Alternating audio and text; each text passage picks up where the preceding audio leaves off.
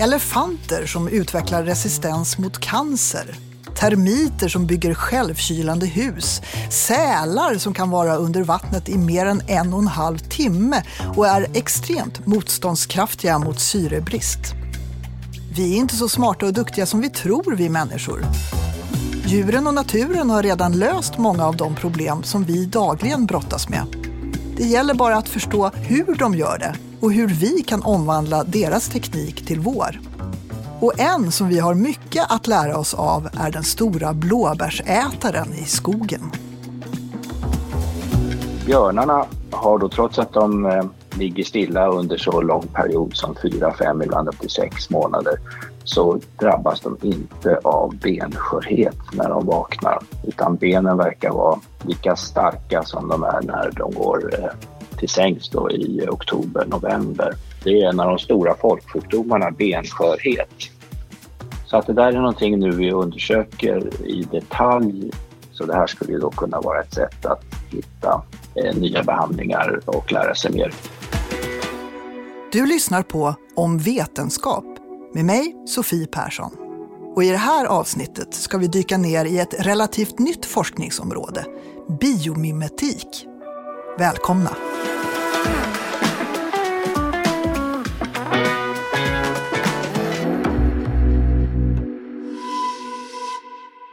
Ja, biomimetik går alltså ut på att lära oss av och imitera naturen. Varför uppfinna hjulet på nytt när så många lösningar redan finns där ute? Det är något som Peter Stenvinkel, professor och överläkare i njurmedicin vid Karolinska institutet och Karolinska sjukhuset, tagit fasta på. Naturen har ju använt sig av en ekologisk standard. Evolutionen har ju pågått i fyra miljarder år och naturen har verkligen lärt sig vad som verkligen fungerar och vad som håller i längden.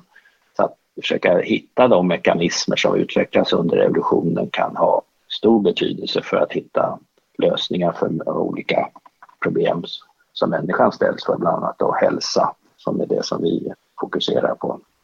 Peter Stenvinkel vill hitta lösningar för de vanligaste komplikationerna som drabbar njursjuka patienter. Och det gör han genom att studera hur björnar kan klara av att gå i ide, eller att hibernera som det också kallas. Björnen kissar nästan ingenting under vintersömnen och hade en människa gjort likadant hade det lett till avancerad njursvikt. Som i sin tur kan innebära följdsjukdomar som benskörhet, hjärt och kärlsjukdomar och åderförkalkning. En människa skulle inte heller klara av att ligga still så länge av andra orsaker. Skulle du eller jag lägga oss i sängen under fyra fem månader så skulle vi tappa säkert 90 procent av vår muskelmassa. Vi skulle inte kunna stå upp på benen efter eh, flera månader i sängen. Men björnarna de tappar bara kanske 10 av sin muskelmassa trots den här långa perioden med eh, vintersömn. De har alltså utvecklat någon typ av förmåga att skydda sina muskler från att brytas ner. Och eh, kan man hitta vad det är för någonting, eh, om det är någon speciell cirkulerande faktor eller någonting annat så skulle det kunna bli en bra medicin för att skydda mot muskelutarmning och muskelsvaghet som ju drabbar många patienter med kroniska livsstilssjukdomar. Man vet inte ännu vad de här egenskaperna beror på, men det finns teorier. Ja, björnarna kissar ju inte under eh, hiberneringen. Det kanske kommer småskvättar urin. De producerar lite urin, ungefär en 100-200 milliliter per dygn. Men sen har de då under evolutionen utvecklat en mekanism att återreabsorbera, det vill säga återsuga vattnet i urin och kväveämnena i urinen återreabsorberas från urinblåsan tillbaks in i cirkulationen för att kunna använda igen då och då kanske är så att de här eh, kväveprodukterna som de eh, reabsorberar det använder de till att återbygga då eh, proteiner, aminosyror som används för att skydda muskulaturen. Och Eh, det där eh, hur de eh, återtar vatten och kväveprodukter från urinen tillbaks in i cirkulationen, det vet man inte än, men det måste vara så att de kan öppna någon av de här vattenkanalerna som finns i urinblåsan. Det där är också väldigt intressant. En intressant mekanism har utvecklats under evolutionen hos björnarna. Men även vad björnarna äter kan bidra till motståndskraften mot sjukdomarna. Ledtrådarna till eh, de här mekanismerna tror vi till en del kan bero på deras diet. Att björnarna har ju en väldigt eh, speciell diet och det här enorma intaget av bär under eh, sensommar och höst. Det finns ju mycket som talar för att det skulle kunna ha gynnsamma effekter eftersom de här bären innehåller mycket ämnen som har då antioxiderande och antiinflammerande effekter. Och det finns ju också på människa mycket studier nu som visar att att eh, eh, regelbunden bärkonsumtion har en skyddande effekt mot till exempel eh, hjärt-kärlsjukdomar. Peter Stenvinkel är med i det skandinaviska björnprojektet, ett nordiskt forskningssamarbete med fokus på bland annat ekologi. Genom att ta prover från björnar, både sommar och vinter, kan de titta på parametrar för inflammation och oxidativ stress. De mäter också blodfetter och insulin och tittar på tarmfloran som ändrar sig väldigt mycket mellan årstiderna. I slutet av sommaren och början av hösten när de ätit upp sig blir björnarna extremt feta. Men trots det blir de inte resistenta mot insulin, något som ju kan drabba människor med övervikt, det vill säga att drabbas av diabetes 2. Dessutom verkar björnarna också ha antikroppar som skulle kunna skydda mot åderförkalkning. Ja, det verkar som att de har ett, något som kallas för gynnsam fetma då och eh, det kanske finns också vissa fall av gynnsam fetma hos människor och under evolutionen så vet vi att fetma har alltid varit associerat med ett, eh, en överlevnadsfördel va? och eh, under perioder så har ju människan utsatts för långa perioder med svält och brist på föda och då har det ju varit en fördel att kunna lagra fett som ju nu i moderna tider har bytts ut mot en stor nackdel där vi har fri tillgång till eh, energirik föda och eh, vi rör oss inte så mycket som man borde göra och det här leder ju då till en ogynnsam fetma som ökar risken för diabetes och eh, följdsjukdomar. Men i naturen så verkar det ju vara så att fetma är ju en, en överlevnadsfördel. Och det är jättespännande att se varför fetma är en överlevnadsfördel i naturen men inte hos den moderna människan. Men det finns fler djur och växter att inspireras av. En del djur lever exceptionellt länge. Elefanter kan bli upp mot 65 år och den nakna morrottan 30 år och de har båda en fantastisk resistens mot cancer. Och det finns djur som blir betydligt äldre än så Jordens mest långlivade djur finns faktiskt i svenska vatten och är islandsmusslan. Utanför Island har man hittat en sån mussla som var hela 507 år. Om vi tittar på ryggradsdjuren är det håkärring eller grönlandshaj som den också kallas, som blir äldst. Också den förekommande i svenska vatten. Den kan bli någonstans mellan 200 och 500 år. Det äldsta kända däggdjuret är en grönlandsval som man tror var 211 år. Och också sköldpaddor blir riktigt gamla, mellan 100 och 200 år. Och tittar man på de djuren och ser vad de har gemensamt så verkar det vara så att de har en väldigt stark förmåga att skydda sig mot oxidativ stress och inflammation. Och de har också en väldigt uttalad ökad aktivitet, god aktivitet i sina mitokondrier som är de här cellernas eh, kraftsystem, kraft, som genererar kraft, power. Och eh, det ger ju oss viktiga ledtrådar till hur man ska förhindra sjukdomar som har med eh, åldrande att göra. Livsstilssjukdomar som kommer med åldern som till exempel eh, diabetes och hjärt-kärlsjukdomar och njursvikt och benskörhet. Så finns det djur som aktivt gör något för att råda bot på krämpor och sjukdomar. Schimpanserna använder sig av medicin från djungelskafferiet när de blir sjuka av parasitangrepp och infektioner. De tuggar på växter och blad som botar dem. Och med biomimetisk forskning kanske även vi kan använda de här substanserna till läkemedel. Vi har ju flera exempel på mediciner som vi använder idag som eh, urspringer från eh, lösningar i naturen. Till exempel ACE-hämmare som ju är en eh, stor grupp läkemedel som används för att behandla högt blodtryck och förhindra hjärtsvikt och för att förhindra att njursjukdom försämras urspringer egentligen från ett ormgift. En eh, huggorm som lever i eh, Brasiliens djungler, Botrops jararaca, som ju har en komponent i sitt gift som ju då verkar på samma sätt som ACE-hämmare och gör då att bytet får väldigt lågt blodtryck och blir lätt att eh, äta upp. Det finns många andra exempel också på mediciner mot diabetes till exempel. Som en sån medicin kommer från eh, en ödla, pilaödlan.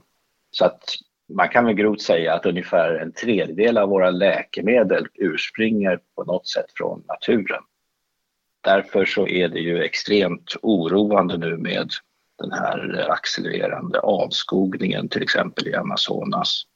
Amazonas är ju den mest artrika delen av vår jord där jag tror det är över 50 000 olika arter och växter som lever där och börjar man avskoga stora områden så kommer ju det här leda till att arter dör ut och vi då missar en möjlighet att hitta behandlingar för sjukdomar. Så att eh, biomimetik hänger ju väldigt intimt ihop med det som kallas för planetary health, planetens hälsa.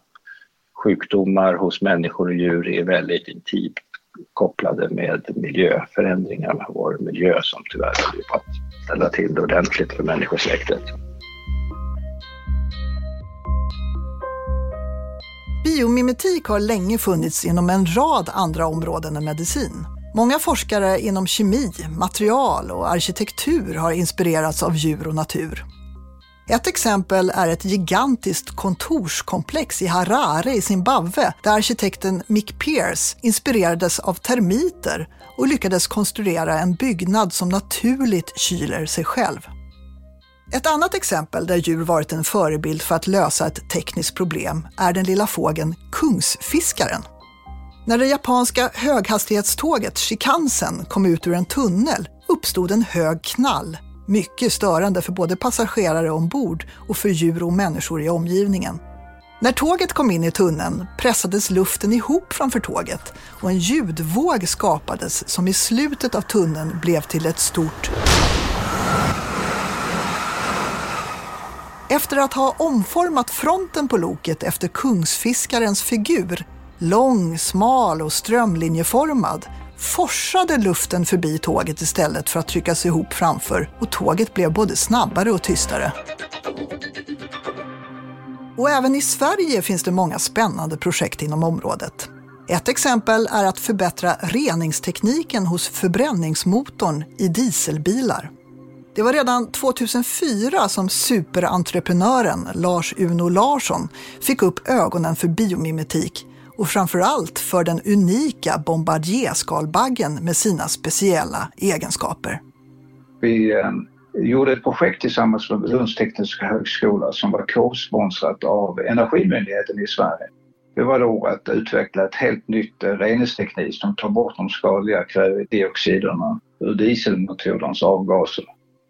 Och eh, Tekniken är inspirerad av en ovanlig insekt, bombardiskalbaggen, som lever i Kalifornien som skrämmer bort sina fiender med hjälp av att spruta ut en het giftig vätska från baken.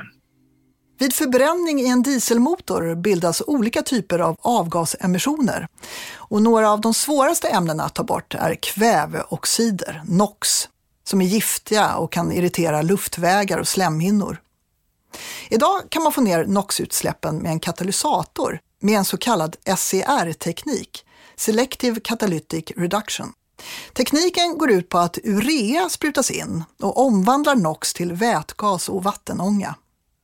Tyvärr kräver tekniken höga temperaturer för att fungera optimalt och endast en del av NOxen reagerar. Men med den nya skalbaggetekniken reduceras halten NOx betydligt.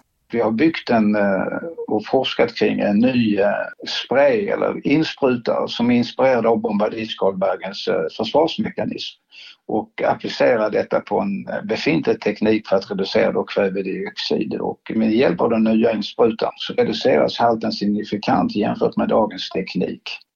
Vad är skillnaden på eh, hur det ser ut idag och, och hur den här insprutningen ser ut, den som är inspirerad av skalbaggen? Ja, den här tekniken vi har utvecklat, en spray med många små varma droppar som, inges, som då sprutas in med hög hastighet jämfört med dagens eh, insprutningssystem. Och det underlättar omblandning av avgaserna och fördelar sig bättre över katalysatorns yta. Så det är de, de små dropparna och att de är varma som gör att det blir effektivare reaktion, eller? Ja, så är det. Ja, exemplen är många på vad vi kan kopiera och lära av djur och natur. Och enligt Peter Stenvinkel kan just det vara lösningen på några av framtidens svåra uppgifter. Vår planet står inför enorma utmaningar här nu när vi har då eh, sjukdomar med en störd inre miljö, alla de här livsstilssjukdomarna som vi nu ser eh, och sen har vi då våra miljöförstöringar som ger en störd yttre miljö och när de här två interagerar med varandra så kommer det förändra sjukdomspanoramat. Och det ser vi redan nu exempel på hur miljöförstöringar leder till eh, olika eh, sjukdomar. Va? Och jag, jag, tror att covid-19 pandemin det är ju egentligen bara ett exempel på att miljön är eh, störd och det här viruset då som kommer från fladdermöss är då exempel på att fladdermöss stressas när de utsätts för avskogning, om de stoppas i burar eller på annat sätt störs så kommer zoonoser, då, virus som eh, kommer från djurriket, att i väldigt hög grad riskeras att spridas till andra arter och nu ser vi ju effekten här när det har spridit sig till människan. Så att det här med pandemier är tyvärr någonting som eh, jag tror vi bara kommer se början av och eh, vi måste då se till att avskogningen eh, förhindras, att vi, artutrotningen förhindras. Så att eh, det är ju eh, någonting som kräver ganska omedelbara åtgärder för att komma till rätta med det här. Och där är ju en möjlig lösning att vi letar efter hur naturen har, har löst vissa problem som har uppstått under evolutionen. För att eh, vi har ju haft fem tidigare massutrotningar under jordens historia och det här, nu ser vi då ett tecken på att vi har den sjätte stora massutrotningen och att vi försöker lära av de lösningar som redan utvecklats hos olika djur.